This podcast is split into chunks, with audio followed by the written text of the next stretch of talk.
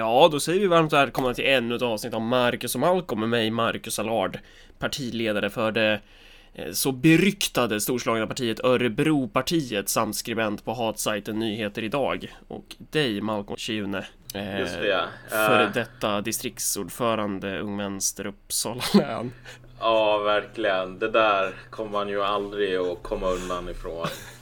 Du måste ju ändra den, eh, den titeln alltså. Vem är den skyldiga till att ha satt den titeln på Dagens Samhälle? För det är där du har den va? Eller är det i fokus? Ja, det är där jag har den, men ja. också på lite andra ställen också. Men det är väl på grund av att folk är otroligt... Eh... Vad folk är intresserade av idag, det är ju titlar. Mm. Och då är nästan vilken titel som helst som liksom får någon att verka viktig är ju, måste man ju ha för annars så kan ju inte folk läsa det man säger.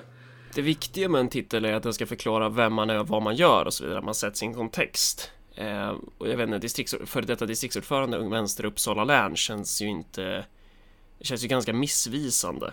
Att sätta Fast det, det där är ju inte det viktiga med titlar. Det viktiga med titlar är ju att ge en en massa... Det är som achievements i World of Warcraft, min vän. Ju, ju mer poäng du har, desto mer kan du skryta. Ja, det beror ju på vem man frågar, men så här. Jag tycker att det kan vara relevant att när man presenterar någon så gör man det ju för att förklara vem är den här personen. Men andra kanske tycker att så här. Det gäller att ha så många märken på sin sköld som det går. Ja, jo, så är det ganska mycket. Um... Hur som helst Eh, om de lyssnar, de som är ansvariga för att ha satt det där på dig, då, de borde ju bara ändra till typ, jag vet inte vad, o, oberoende kommunistisk debattör. Det är ju skitmånga som har så här oberoende liberal debattör, men det är ju sällan man ser någon oberoende kommunistisk debattör. Nej, jag vet. Det visar ju på vad den riktiga särbehandlingen och rasismen existerar i det här samhället. Mot folk som är röda snarare än... Mm, mm. Ja, hur som helst, vad har du haft för dig nu i helgen då? Jag var på, vad ska man säga, jag var hemma hos... Eh, ja, hur ska jag säga det här? Jag var på en middag igår eh, i Laxå och där, eh, där drack jag en jävla massa Elkbrew. Sju femmor. Jä jävligt bra öl, Elkbrew alltså. Samtidigt som eh, så obskyra power metal-band eh, spelades i bakgrunden. Mycket bra middag måste jag säga.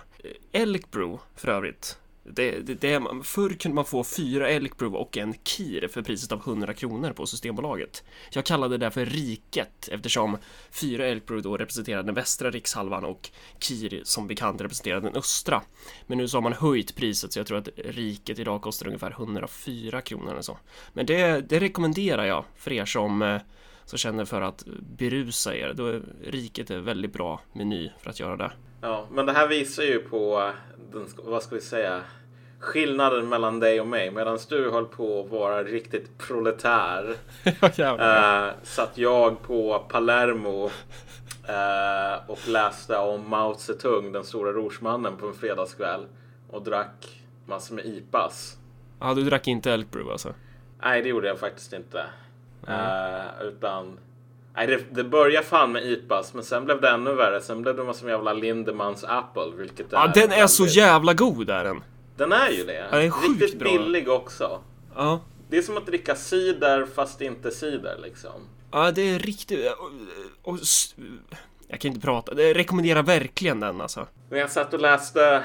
Jag satt och drack typ en fyra sådana och så läste jag om eh, den store rorsmannen Mao Zedong och alla de här förvecklingarna som var med Kuomintang eh, partiet och eh, orderna från Moskva och hur, hur mycket trubbel det var. Så det var också en väldigt proletär inom citationstecken fredag. Ja. Sitta själv på pärlan och läsa om Mao. Eh, ja, det är bra. Men det är så man vet att man är en riktig kommunistisk ideolog. Eller hur, hur är det nu man säger? Ja, eh, du, den annan grej som jag glömde ta upp innan avsnittet. Eh, och det är, vet du vad som hände för två år sedan? Nej. Kan du gissa? Det har med dig och mig att göra. Uh, var det två år sedan som vi startade den här jävla podcasten? Ja. Oj då. Så, eller Fan ja, vad det, tiden går. Jag har inte exakt datum, jag har inte orkat kolla upp det, men det är någonstans i april var det vi släppte vårt första avsnitt i alla fall. Det är ju, ja verkligen, fan vad tiden går. Ja, jo men precis. Det är fan ganska mycket som har hänt på den tiden. Både med oss och med liksom världen i stort måste man ändå säga. Ja. Alltså, det slås man ju av att tiden går jävligt fort nu för tiden. Ja, det, och ju mer man har att göra, desto fortare går det. Men du har väl ingenting att göra det har inte jag heller. Vi sitter bara på läktaren och kommenterar. Just det, så var det. Ja, ja nej men precis, vi, vi gör ju ingenting. Eh, men okej, vad, vad ska vi prata om nu? Nu ska vi snacka franska valet, ska vi göra. Ja, exakt. Eh, till att börja med i alla fall och sen efter det så kommer vi väl sväva in i någon annan eh, lite bredare diskussion om nationen. Så. Precis, och jag ska försöka någon gång få, få till någon liknelse mellan franska valet och situationen idag och varför det är enklare att förstå om man sitter på en fredagskväll och läser om Mao Zedong. Så här. Ja, det är väl klart som fan det är enklare att förstå franska valet om man läser Mao. Det, Exakt. det, det borde ju säga sig självt. Men, eh, Men det okej. gör ju inte det i det här jävla PK-Sverige liksom. Med Nej, infiltrerade av kulturmarxister och fi-partister och liknande. Mm, Men vi kommer att komma till det hur som helst. Jag ska inte avbryta dig mer. Nej, okej. Eh, om vi börjar någonstans i att försöka presentera kandidaterna då i det här valet. Ehm, om vi börjar med han Macron, Emmanuel Macron, Emmanuel Clinton Macron, nej, Emmanuel Macron. Så, han är ju etablissemangskandidaten i det här. Han är ju den stora favoriten som alla politiker sluter upp bakom i princip. Vad kan man säga om honom förutom att han har legat med sin 24 år äldre lärarinna som han ju för övrigt är ihop med fortfarande. Men sånt ska man ju inte kommentera för det är ju bara en parentes. Eh, jag kan ju tänka mig om, om Donald Trump hade varit ihop med en 24 år äldre kvinna så hade ju ingen brytt sig om det. Hur som helst, eh, han, vad vill han göra Malcolm? Ehm, han vill försvara det öppna samhället och frihet och demokrati och respekt och du vet Ja. bla bla bla sådär. Han är en sån där ideologilös kandidat. Han är, eh, han är en del av den radikala centern. Ja, precis. Och med ideologilös så menar jag, eh, vad, vad är ideologilöst idag? Det är ju till exempel att ja, men sparka offentlighetsanställda, sänka skatterna för de rikaste. Vad ska man mer göra? Man ska stärka EU typ. Eh, han är före detta bankir och finansminister. Så En sån ideologilös person har vi att göra med här. Så, Ja, det, mm, En sak som man måste säga om honom. Det är ju också att han är ju verkligen den moderna kapitalismen personifierad. Han är liksom vad den moderna kapitalismen skulle vara om det var en levande människa av kött och blod. Mm. Han har ju gått i de här fina elitskolorna typ. Och sen så som det händer för vissa i de där skolorna så har han liksom blivit puttad in i omloppsbana med massor med jätterika och viktiga personer. Som har gett honom, för att han är så himla trevlig och snäll och liksom den här kompisen, gett honom massor med fina jobb och uh, sinekurer på olika um, think tanks och liknande. Så han blev ju miljardär på grund av att en kompis fixade ett jobb på en bank där han fick sitta och liksom handha någon sån här fusion mellan Nestle och någonting annat. Mm. Ehm, och sen Nestle. efter det så... Va? Nestlé? Eller? Nestlé, sorry. Eh, någon sån här sammanslagning i miljardklassen och så fick han ju liksom miljoner i arvode på det för Mm. man tar ut en viss procent. Eh, och sen så har han blivit inbjuden till typ Bilderberg-möte och eh, massor med såna här fina halvhemliga grupperingar där folk håller på att lägga fram olika liksom, policyförslag för hur man ska frigöra den franska ekonomin. Mm. Då från typ såna här saker som fackföreningar och liknande. Det är det som man vill bli fri från. Han är den här personen som en liberal skulle kalla för en person som har så att säga jobbat sig uppåt. Ja, exakt. Det intressanta, jag länkade ju den där, vi kan ju länka den på Facebook-sidan också. Men en av hans kompisar i den här världen sa ju bara att det som är så jävla fint med Macron är ju att han han är bra på att komma ihåg namn och ansikten och är trevlig mot alla och gör ingen fluga för när. Vilket är det som man måste ha om man jobbar eh, med ett horjobb. Mm. Vilket typ det är att vara bankir. Det är liksom eh, eh, eh, det är att prostituera sig själv enligt den här personen. Och det är väl lite så här. Det är väldigt fascinerande. Vi kommer att komma till det mer sen, men det är fascinerande att man har valt att liksom ställa sig bakom den här kandidaten typ från höger till vänster nu. Mm, ja men verkligen. Ehm, ja, han har väl också vid något tillfälle sagt åt någon, det var någon lärare vid någon typ event som var jävligt förbannad över att han hade fått sparken och då hade väl Macron bara svarat något i stil med Ja vadå, du kan väl starta företag? Exakt. Han är verkligen nyliberal kapitalism in Ja. the flash. Typ. Hela den ideologin, hela det paketet. Det är vad han står för. Du sa ju det liksom, om folket inte kan äta bröd, låt dem äta makroner. Någonting händer Det är något stort på gång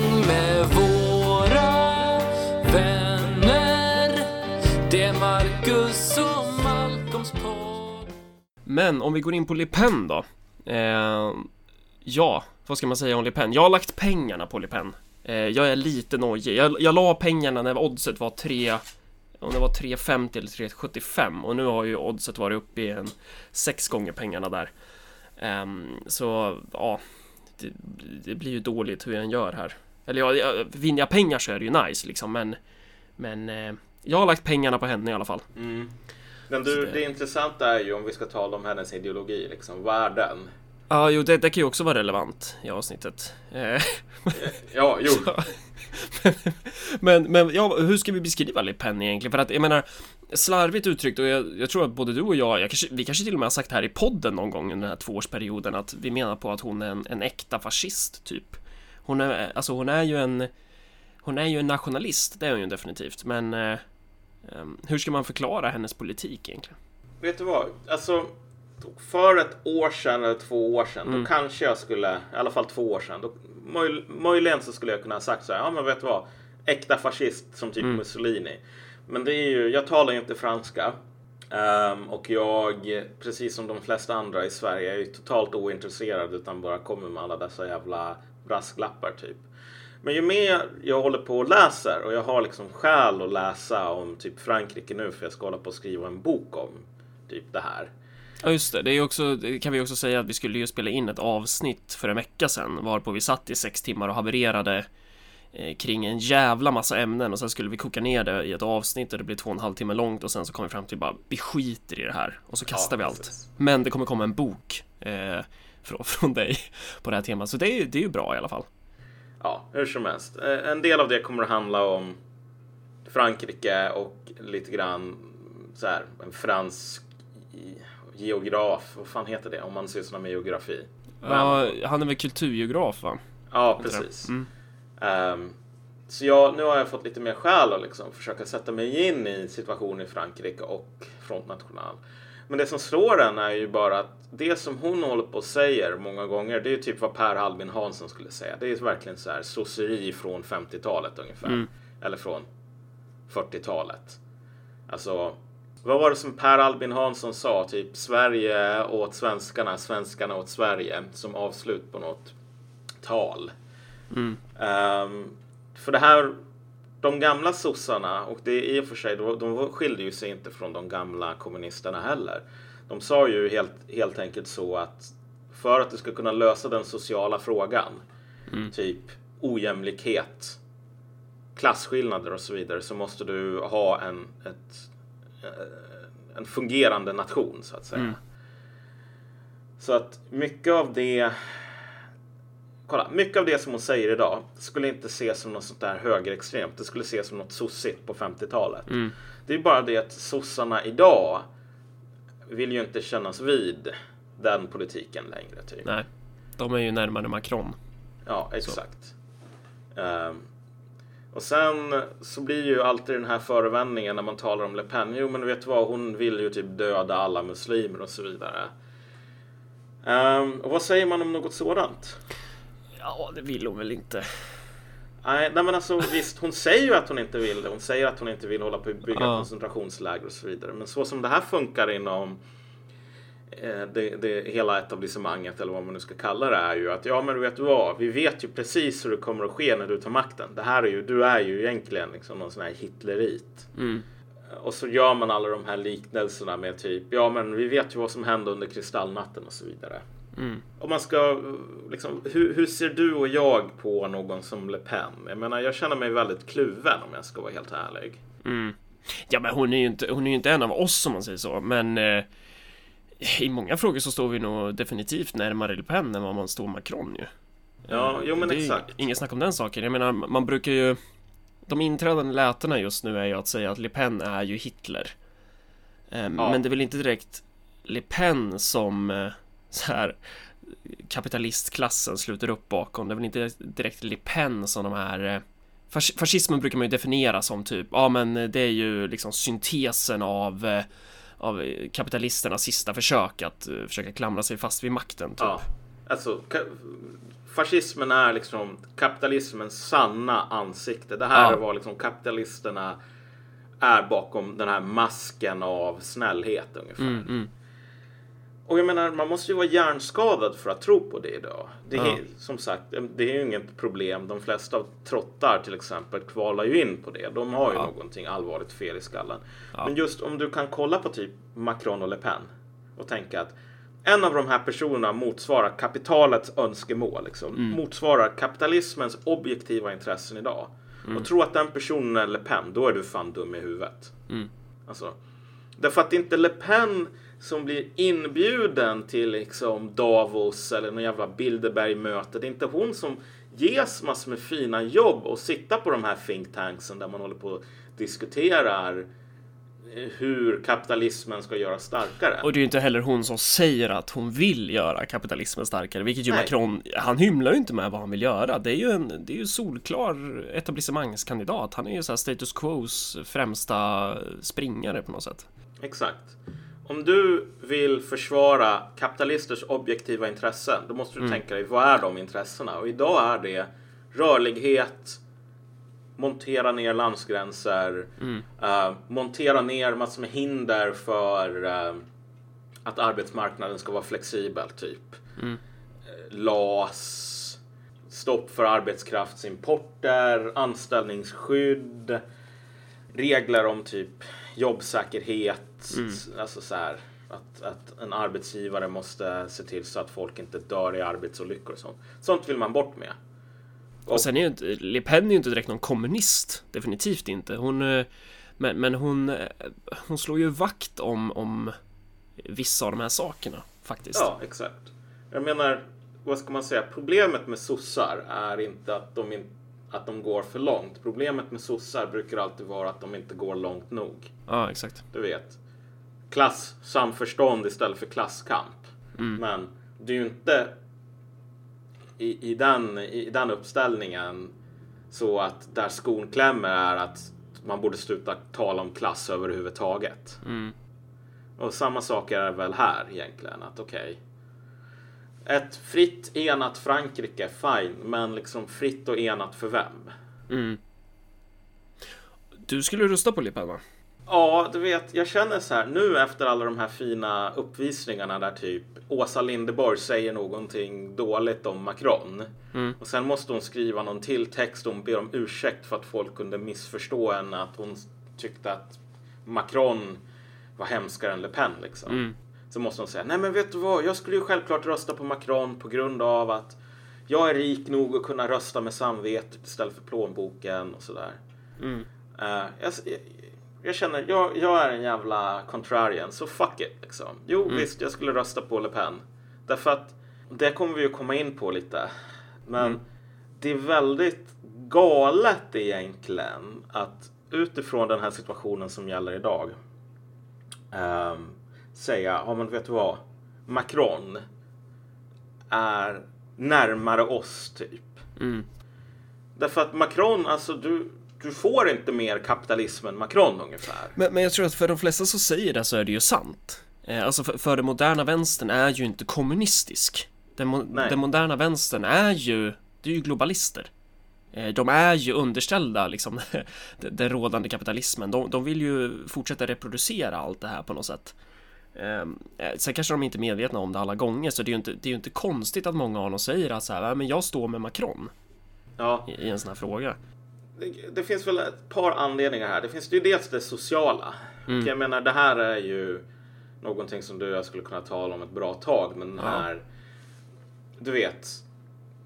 Ann-Charlotte Altstad skrev ju om det nyligen. Det här med att mycket av de här positionerna är ju en sorts klassmarkörer idag. Mm. Det är väl lite grann därför som Åsa Linderborg måste liksom krypa till kors och be om ursäkt fem sekunder över att hon skrev efter att hon skrev någonting dåligt om Macron. Liksom. Jag är fortfarande en del av den här klassen. Jag håller inte på att vicka på båten. Jag säger bara att det finns ett par problem, men jag är en av er fortfarande. Mhm. Så det har ju mycket att göra med det.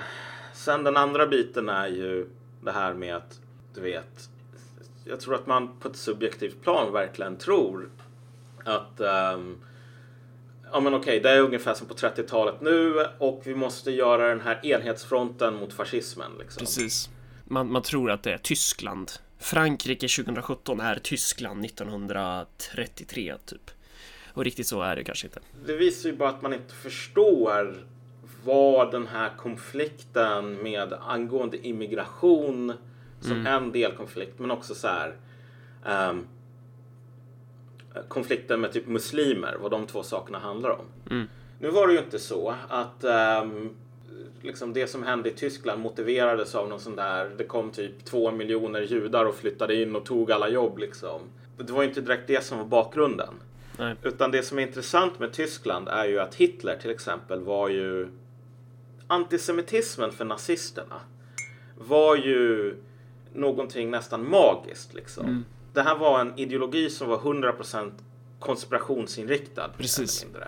Och där behövde man alltså uh, um, man behövde judarna på samma sätt som typ Alex Jones eller någon behöver George Soros och uh, Bilderberggruppen eller vad det nu kan vara. Alltså, därför att annars så håller inte den egna berättelsen. Mm.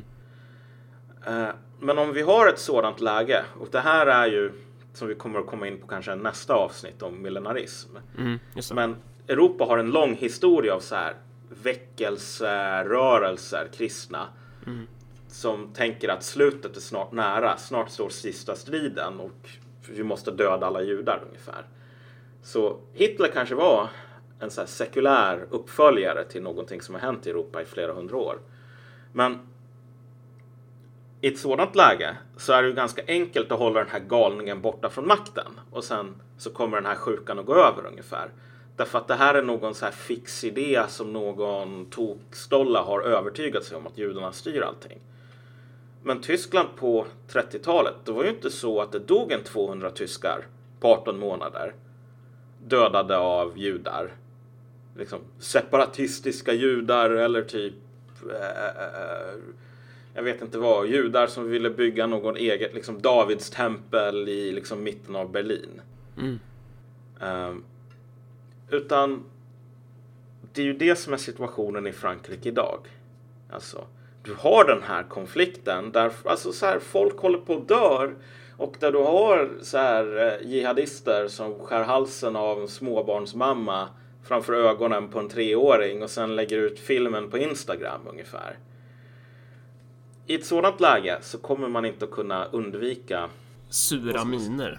Nej men precis. Alltså du kommer ju inte få bukt med den här konflikten genom att Nej. säga ja men Le Pen är en galen rasist liksom. Mm. Därför att det är ju inte Le Pen som orsakar de här tankarna i folks huvuden att fan, jag skulle gärna vilja leva i ett land där inte terroristattacker sker. Mm. Och sen, sen, finns det ju såklart givetvis fler anledningar till varför folk röstar på Le Pen givetvis. Jag tror att ja. den här invandringsfrågan är ju den är ju underordnad en större fråga som ju det kanske vi också kommer komma tillbaka till vid något givet tillfälle, men det här med att det är underordnat eh, behovet av eh, nationen, behovet av en kollektivism, behovet av att man är en del av någonting, att det finns skyldigheter och rättigheter och att man inte blir kastad på soptippen. Jag tror att det är den stora anledningen till varför man röstar på Le Pen. Men ett ja. argument emot det här, för att vi ser ju att så här, motsättningarna i Frankrike ökar ju på det sättet. Eh, och det, det, folk blir mer och mer förbannade och fientliga mot muslimer. Och frågan är ju då, kommer folk vara mer förbannade och fientliga muslim mot muslimer under Macron eller under Le Pen? Kan, kan någon av de här kandidaterna göra någonting åt saken egentligen? Mm. Vet du vad? Här är ju ungefär en av de anledningarna till att jag kan tänka mig att rösta på Le Pen är ju för att min bedömning är väl att alltså, det är gissningsvis mindre farligt för muslimer med Le Pen mm. än vad det är med Macron. Därför att återigen, till skillnad från Hitler så är inte det sociala problemet i Frankrike att vi har en del galna miljonärer mm. som föreställer sig att typ muslimer begår terrorbrott. Trots att alla vet att det inte är så. Utan muslimer begår, eller islamister begår terrorbrott. Mm. Och folk börjar bli trötta på det.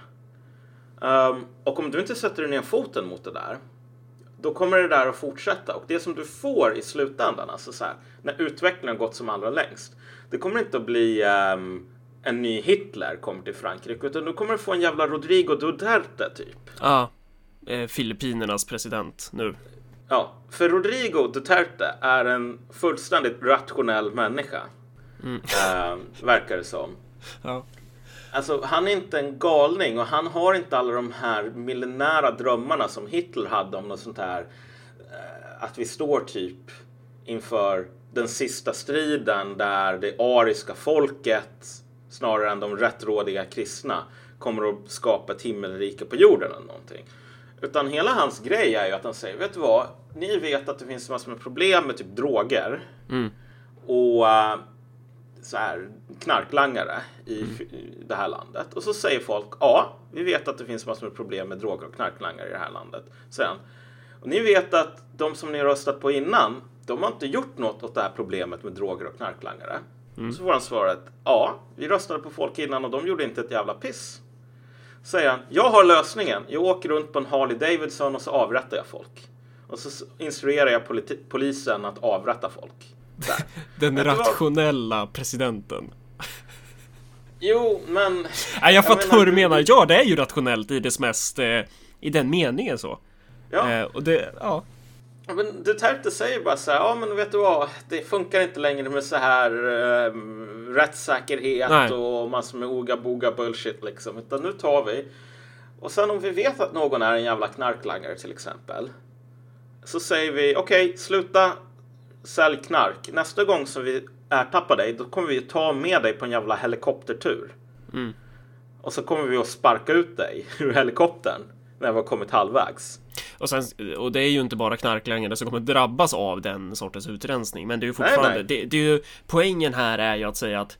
ehm, alltså det här är ju en följd på att man inte gör någonting. Ja. Mot, mot liksom en folklig, vad ska man säga, folklig vrede. Och det är ju det som är det, det riktigt farliga. Så att Ja, ja. eh, efter Le Pen, där kommer Duterte. Så. Jo men exakt, för typ Duterte kommer antagligen inte att liksom tvingas in i någon jävla bunker där han sitter där och bara Ja men jag trodde när vi dödade alla knarklangare att vi skulle få något nytt tredje liksom rike millennium liksom tusen år i jävla filippinsk överstat. Utan han säger bara så här Knarklangare är ett problem, ehm, vi gasar ihjäl dem som råttor typ. Och så, så, så behöver vi inte ha massor med knarklangare längre. Och samma sak kommer du fan att se eh, angående typ kriminalitet i Järvafälten och så vidare om man inte gör någonting. Mm. Alltså att man bara säger okej, sossarna, SD, vi testade på dem lite så här omväxlingsvis. Men de var lite för, de var jävla pussis liksom. De gjorde ingenting. Från och med nu så kör vi, instruerar vi polisen att gå in med k-pister och sen om det är någon som står som vi vet håller på att sälja knark. Mm. Låt den här personen alltså eh, ta en simtur med eh, eh, cementskor i Stockholms skärgård. Vill man undvika att komma till den eh, positionen där typ muslimer behandlas genom, alltså möter kollektiva bestraffningar och sätts i typ interneringsläger och liknande. Um, behöver man undvika att liksom, man behöver förhindra fler sådana här terrorbrott från att ske och man behöver vara riktigt hård mot de som begår dem tror jag. Mm. För att folk kommer att tröttna. Det är inte svårare än så. Nej. Och de kommer ju tröttna på mer än bara muslimer också. Ja, men exakt. Eh, de kommer att tröttna på folk som ser ut ungefär som muslimer eller som man tror kan vara muslimer sådär. Så det kommer inte bli så jävla kul. Nej. Jag har ju väldigt många västafrikanska vänner, kommunister. Eh, är inte då Eh, skillnad på dem och svensk vänster om man säger så.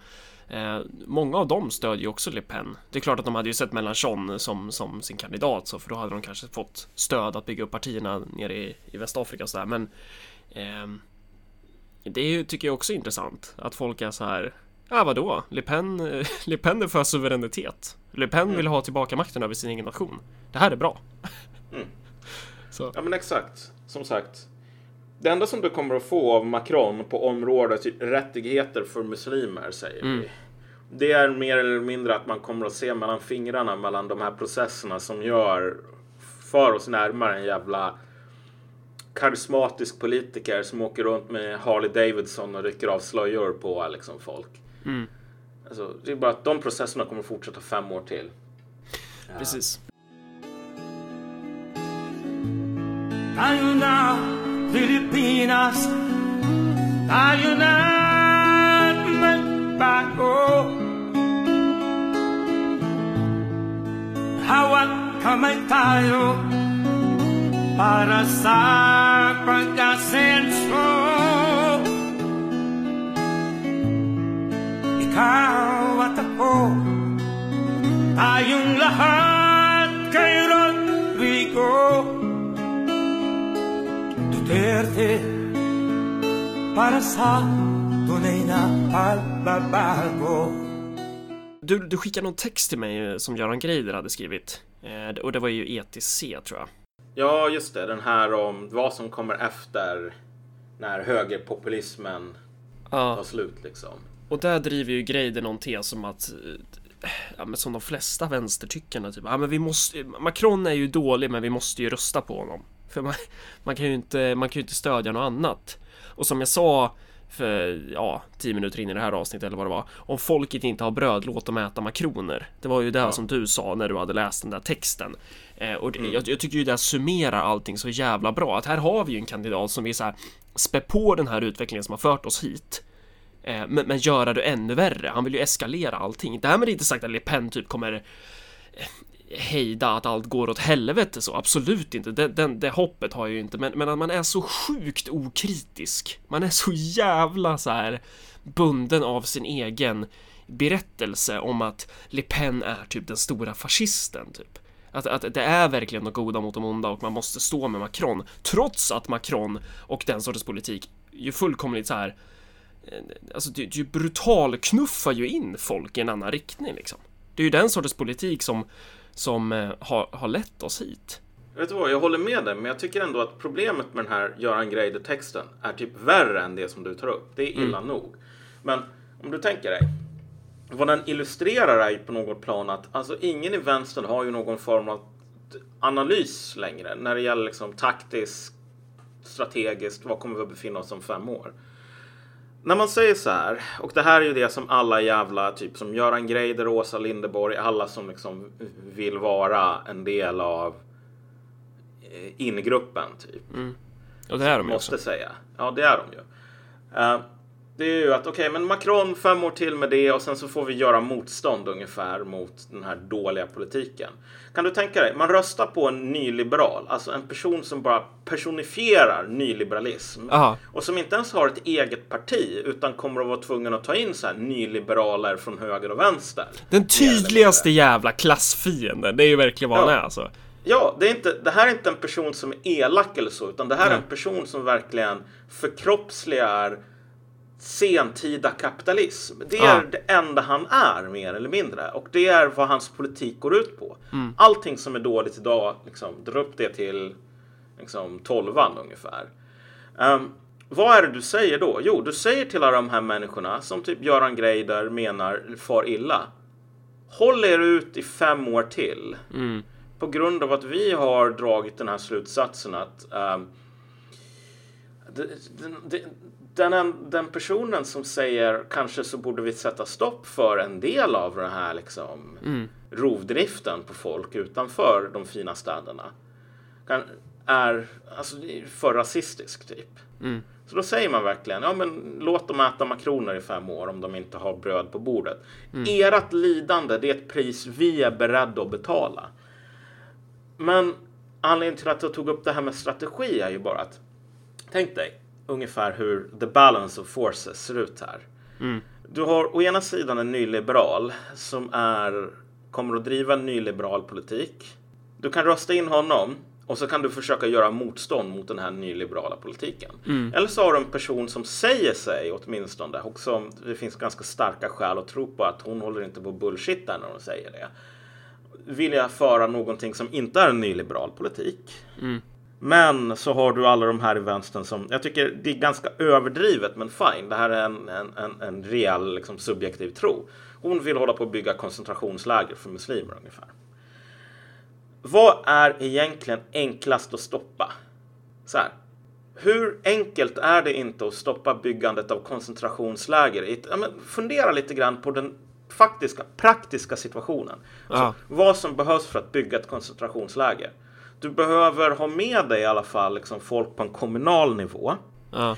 Du behöver, om ditt land har en författningsdomstol, ha med dig författningsdomstolen mer eller mindre. Du behöver också ha med dig... Eh, Internationella... exakt. Ja. I alla fall ett land som Frankrike som är beroende av jordbrukssubventioner och liknande. Ja. Har alltså... Det finns en sån otroligt stor hållhake utanför landet där man säger så här. Okej, vet du vad? Vi tycker inte om det du håller på med. Sluta upp med det här eller så sätter vi, ruinerar vi er. Och argumentet emot oss här kommer ju vara, "Ja, men vadå, titta på Hitler! Hitler, Hitler byggde koncentrationsläger. Ja, exakt. Och det är just det som är grejen. Ja. Till skillnad från Marine Le Pen så hade Hitler eh, för det första så verkar han i, i ett läge där EU inte riktigt var påtänkt än och där tyskar inte var beroende av jordbrukssubventioner. Och i ett läge där av olika anledningar så var den tyska ekonomin intvingad i liksom autarki, själv... Eh, vad heter det nu? Alltså på svenska, alltså självförsörjning ganska mycket. Och han hade mer eller mindre tagit över hela staten och fått hjälp med det från... Det var en ganska an... ett ganska annorlunda läge. Eh, och det var också en person som av allt att döma ville bygga koncentrationsläger och som inte hymlade med det. Men, men som sagt, tänk dig, vad är liksom vänsterns styrka egentligen? Om vi, organisatoriskt och så vidare. Den kommer fan inte att räcka till för att förhindra typ att nedskärningspolitik till exempel. Men i ett läge där en majoritet av Frankrikes befolkning inte vill ha koncentrationsläger för muslimer, för det första.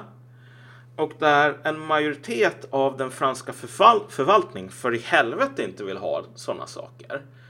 Och där alla nyliberaler runt om i Europa hatar Le Pen. Det kanske inte, en del av de här människorna kanske liksom i hemlighet skulle tycka att det vore ganska nice med koncentrationsläger mot så här folk som var politiskt jobbiga populister och liknande. Men så de kanske inte har något principiellt skäl att klaga på mindre frihet och så vidare. Men när det gäller just Marine Le Pen så är det så att Marine Le Pen står för en politik som sitter på tvären med vad folk i Washington eller Bryssel vill ha. Vilket betyder att folk i Washington och folk i Bryssel kommer att vilja sabotera. Och det finns ingenting som är enklare att sabotera än typ av byggandet av koncentrationsläger. Så. Så att en kampanj för att stoppa byggandet av koncentrationsläger är tusen miljarder gånger enklare att ro i hamn. Alltså, det är omöjligt för den att misslyckas mer eller mindre givet den politiska situationen i Frankrike idag och typ hur många mandat som Ja, men verkligen. de skulle ha. Ja. Men det är Definitivt. aldrig någon som tänker så här, okej, men vad är det som flyttar fram arbetarklassens positioner ungefär? Vad är det som gör att de människorna som vi säger oss tala för, de här människorna utslagna på landsbygden, de som förlorar, de som blir tillsagda, um, ska, ja men vad fan, starta ett företag då? Så här, hur kan vi försvara deras intressen? Ingen behöver ställa den frågan inom vänster för att ingen bryr sig. Nej. Men det är det som är så intressant när man säger så här, men vi kommer göra motstånd, att det ligger ju typ inget i det där heller. Att det är ju, det är ju bara en tom floskel. Men Ja. sen så när det gäller Le Pen, så jag skulle inte bli förvånad om eh, om såväl Le Pen som många andra regeringar i i Europa kommer börja bygga någon form av alltså förvaringsläger för flyktingar. Alltså där, där man kommer vara till exempel om du inte får uppehållstillstånd i landet så kommer du vara förpassad till, till en läger, alltså, eller läger och läger till, till ett område, baracker typ. Och du Ja. ska inte lämna det området. Men det är ju lite annorlunda än vad koncentrationsläger är. Exakt, men, men ingen kommer att kunna stoppa det därför att så här, alla vet att okej, jag kan sätta ner foten när Le Pen gör det och det är kanske är några som kommer att göra det. Sätta ner foten när det är SD eller eh, Front National eller så. Men de vet ju själva att så här, när vi tar över, när vi fäller den här regeringen, då är det vi som kommer att fortsätta bygga på de här lägren typ. Eh, men, men du fattar min tidigare poäng, det här med att man ställer aldrig den här frågan. Ja, men okej, hur kan vi, vad är våra styrkor? Hur många förband har vi? Och hur kan vi slåss på ett mest effektivt sätt? Ja men verkligen. Ja men det Vill finns du ju föra en Alltså, vänsterpolitik? det det, det finns ju inte inom, inom, inom de... eh, Nej. Nej. Exakt. Men det är ju egentligen så jävla enkelt att typ sabotera här Ja. För någon som Macron och sen säga så här, vet du vad, nyliberaler, Så här, vi saboterar just för er. Men här får ni verkligen hjälpa oss och försvara eh, medborgerliga rättigheter. Och de här nyliberalerna kommer att vara tvungna att säga ja. Bara för att, alltså. Därför att de kommer att hata Le Pen ännu mer än att de hatar den här vänstern som liksom sandbaggar dem just. Men, Eh, vad tänkte Ja. jag med på? Eh, ja, hon vill ju ta ut Frankrike ur EU, sa vi det? Det är ju en ganska så här, viktig detalj ja, eh, Le Pen. Exakt, och det är just därför som, som det är så himla enkelt att bygga ett brett motstånd mot henne. På ett sätt som det inte är enkelt att bygga ett brett motstånd mot Macron. Så här. Alla de här intressena finns och satte man sig ner och funderade i fem minuter skulle man inse shit, här går det att göra någonting. Ja, Men, men här är grejen. Greider behöver inte sätta sig ner och fundera på det sättet. Och det behöver inte Åsa Linderborg eller någon annan göra heller. Därför att precis som Åsa Linderborg skriver, vad fan skulle, det är inte jag som far illa av den här politiken. nej. Det är någon annan. Men, och vad men, man inte fattar är att när det är någon annan som far illa så kommer den här andra gruppen kanske förr eller senare att tröttna på att det sitter människor som har det jävligt bra ställt och säger vi är beredda att offra ert välbefinnande i fem år till. Mm. men det är också det som är en klar distinktion idag mellan eh, modern vänster, som i huvudsak är någon slags socialliberalt mumbo jumbo, eh, och en, en modern ny form av kommunism. Att så här, den, den kommunistiska politiken måste ju syfta till att faktiskt kanalisera det här intresset av de här människorna som röstar på Le Pen och, och se till så att ja, man vinner dem. Ja. Eh, snarare än liksom jag inte, sluta upp bakom den vad ska man säga nyliberala pro-globaliseringsordningen så. Ja, det är så jävla konstigt egentligen när typ folk som Greider håller på att diskutera så här, Men varför röstar ingen på vänstern längre trots att vänstern har den här jävla vänsterpolitiken? Det är för att vänstern är beredd att ge upp den här vänsterpolitiken på fem sekunder. Bara för att det här kommer att få ge dem massor med jävla gliringar på nästa kulturfest typ. Ja, och inte ens det att vadå ge upp vänsterpolitiken? Vänsterpolitiken handlar ju de facto om att upprätthålla status quo. Vänsterpolitiken idag, det är ju alltså det är olika socialliberaler i svensk politik i princip som går runt och luktar på varann i arslet liksom och kommer fram till att de är samma art. Även om kanske vissa vill ha du sa ju det här jävligt bra någon gång att eh, det, alla är liberaler typ. Vissa är typ eh, lite mer ny, nyliberala, de kanske vill ha lite mer skattelättnader, andra vill ha lite, lite högre skatter och sen några tredje de vill ha sex med djur liksom. Och där har vi svensk politik ungefär. Ja, men, men, men saken är, Göran Greider, han är ju sosse liksom. Ja, men han Så är ju, menar, ah, ja, han är han- ju sosse, men han är ju fortfarande en del av, han är ju fortfarande på något sätt eh, en del av den här arten. Jo, men kolla, här är min poäng.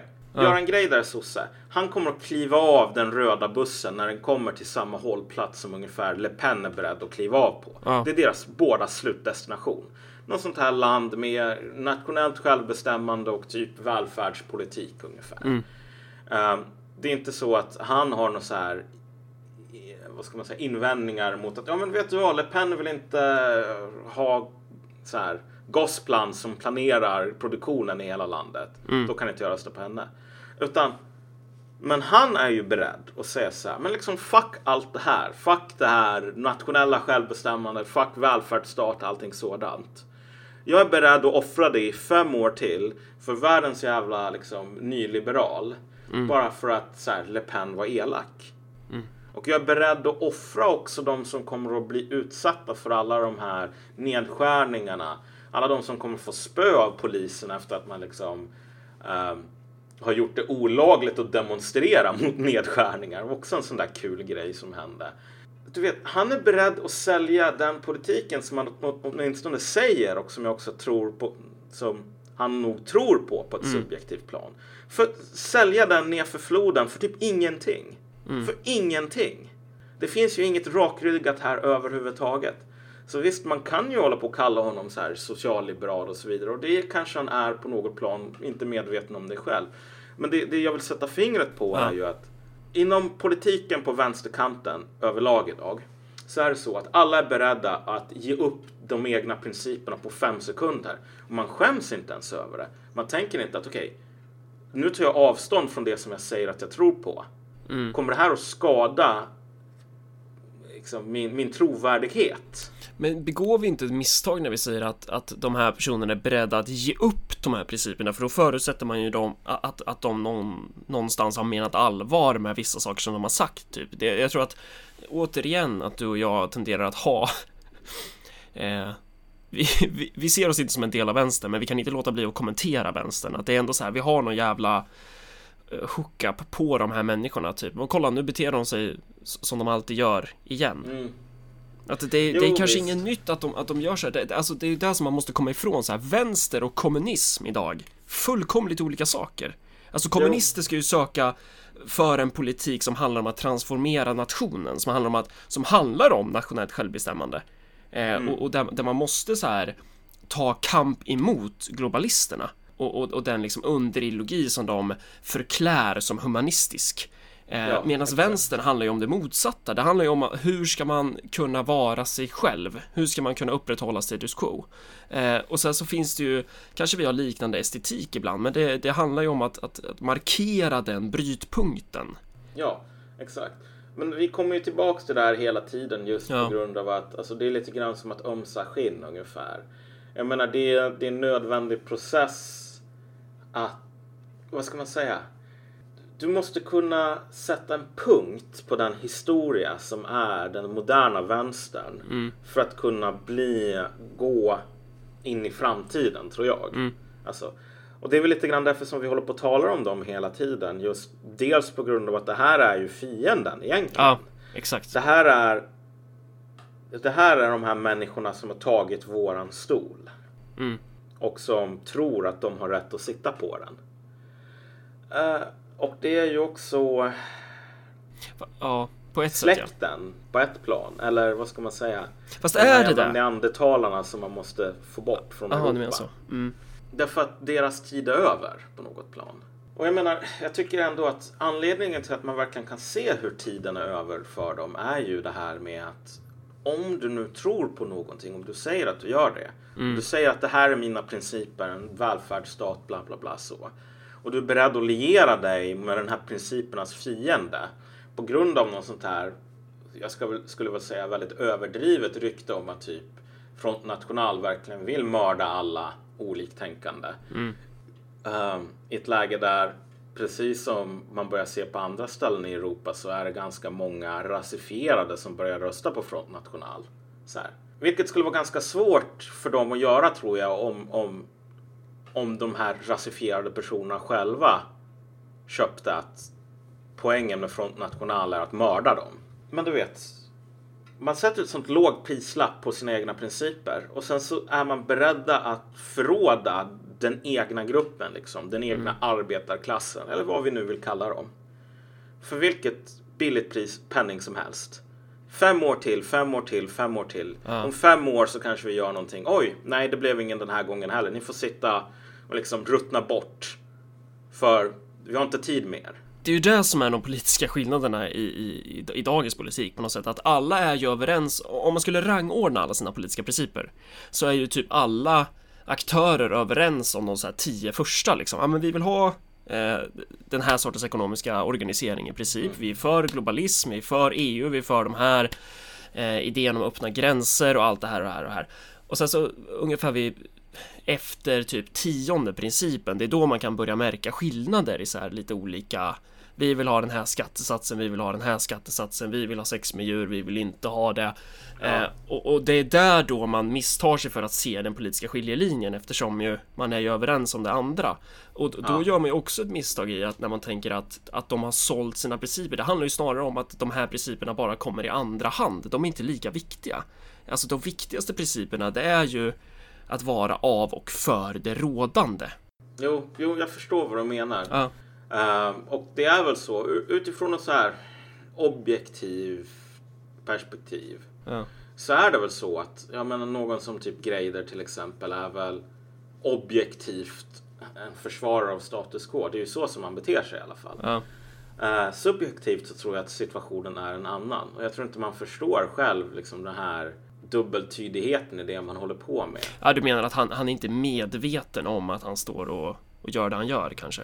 Ja, så du menar. men- ja. Nej, definitivt. Jag tror att det, mång, många, absolut, det är ju många som skulle säga så här, nej men jag vill ha kommunism. Eh, och så och så, och så vill man inte det i praktiken. Men en sak som jag tänker när jag ser på det här, alla de här jävla kullerbyttorna som folk ska göra för att försvara varför. Jo men, jo, men jag måste ju självklart också stå för Macron liksom. Absolut aldrig att tänka mig att vara för Le Pen. Nej, nej, nej, nej, nej. Jag är fortfarande en av de goda. Du vet, 1840-talet så hade du den här vågen av revolutioner som svepte genom Europa. Ja. Det här kallas ju för the springtime of nations. Massor med galningar som höll på och agiterade för liberalism i ett tid där du fortfarande hade massor med jävla absoluta monarkier i Europa. Och eh, en av de här som slogs mot Napoleon, kejsar Frans av Österrike. Hans son var ju den som styrde i Österrike vid den tiden. Ja, du har ju sagt det här i något tidigare avsnitt, Ja. just den här anekdoten om, om honom. Ja, alltså sonen har ju någon form av hjärnskada liksom. Ja. Han kan ju inte styra för han, han har ju liksom mental på en femåringsnivå ungefär. Så att det är ju den här gamla gråa räven Metternich som styr. Mm. I kejsarens namn. Och så har du även i Österrike all, alla den här agitationen. Man kommer ganska nära någon form av revolution. Eh, och så stirrar den här kejsaren på liksom med människor med eh, facklor och eh, högafflar typ.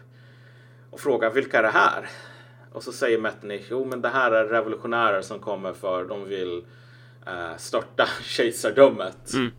Och så blir svaret, men får de göra det? Från den här hjärnskadade kejsaren. Får de göra det? Och jag, jag, jag, på, jag tänker lite grann på Greider varje gång nu som jag tänker på den an- anekdoten. Inte för att Greider är hjärnskadad eller för att jag har något otalt med honom. Men, men den här oförståelsen är verkligen på samma nivå typ. Så här, det som Greider och som alla andra har gjort, han är, inget, han är inte unik här. Det är att säga till folk som liksom på den här i, i den ekonomiska periferin idag i, i västländerna att okej, fem år till, det blir inget, det blir inget bröd det här året. Så här. Det blir ingenting. Fem år till, fem år till, vänta fem år till. Man bara säger att det, de här människornas intressen, de är så jävla oviktiga så att vad som helst kan få en att skjuta upp det på fem år eller fyra år. Och sen så börjar de rösta på någon annan.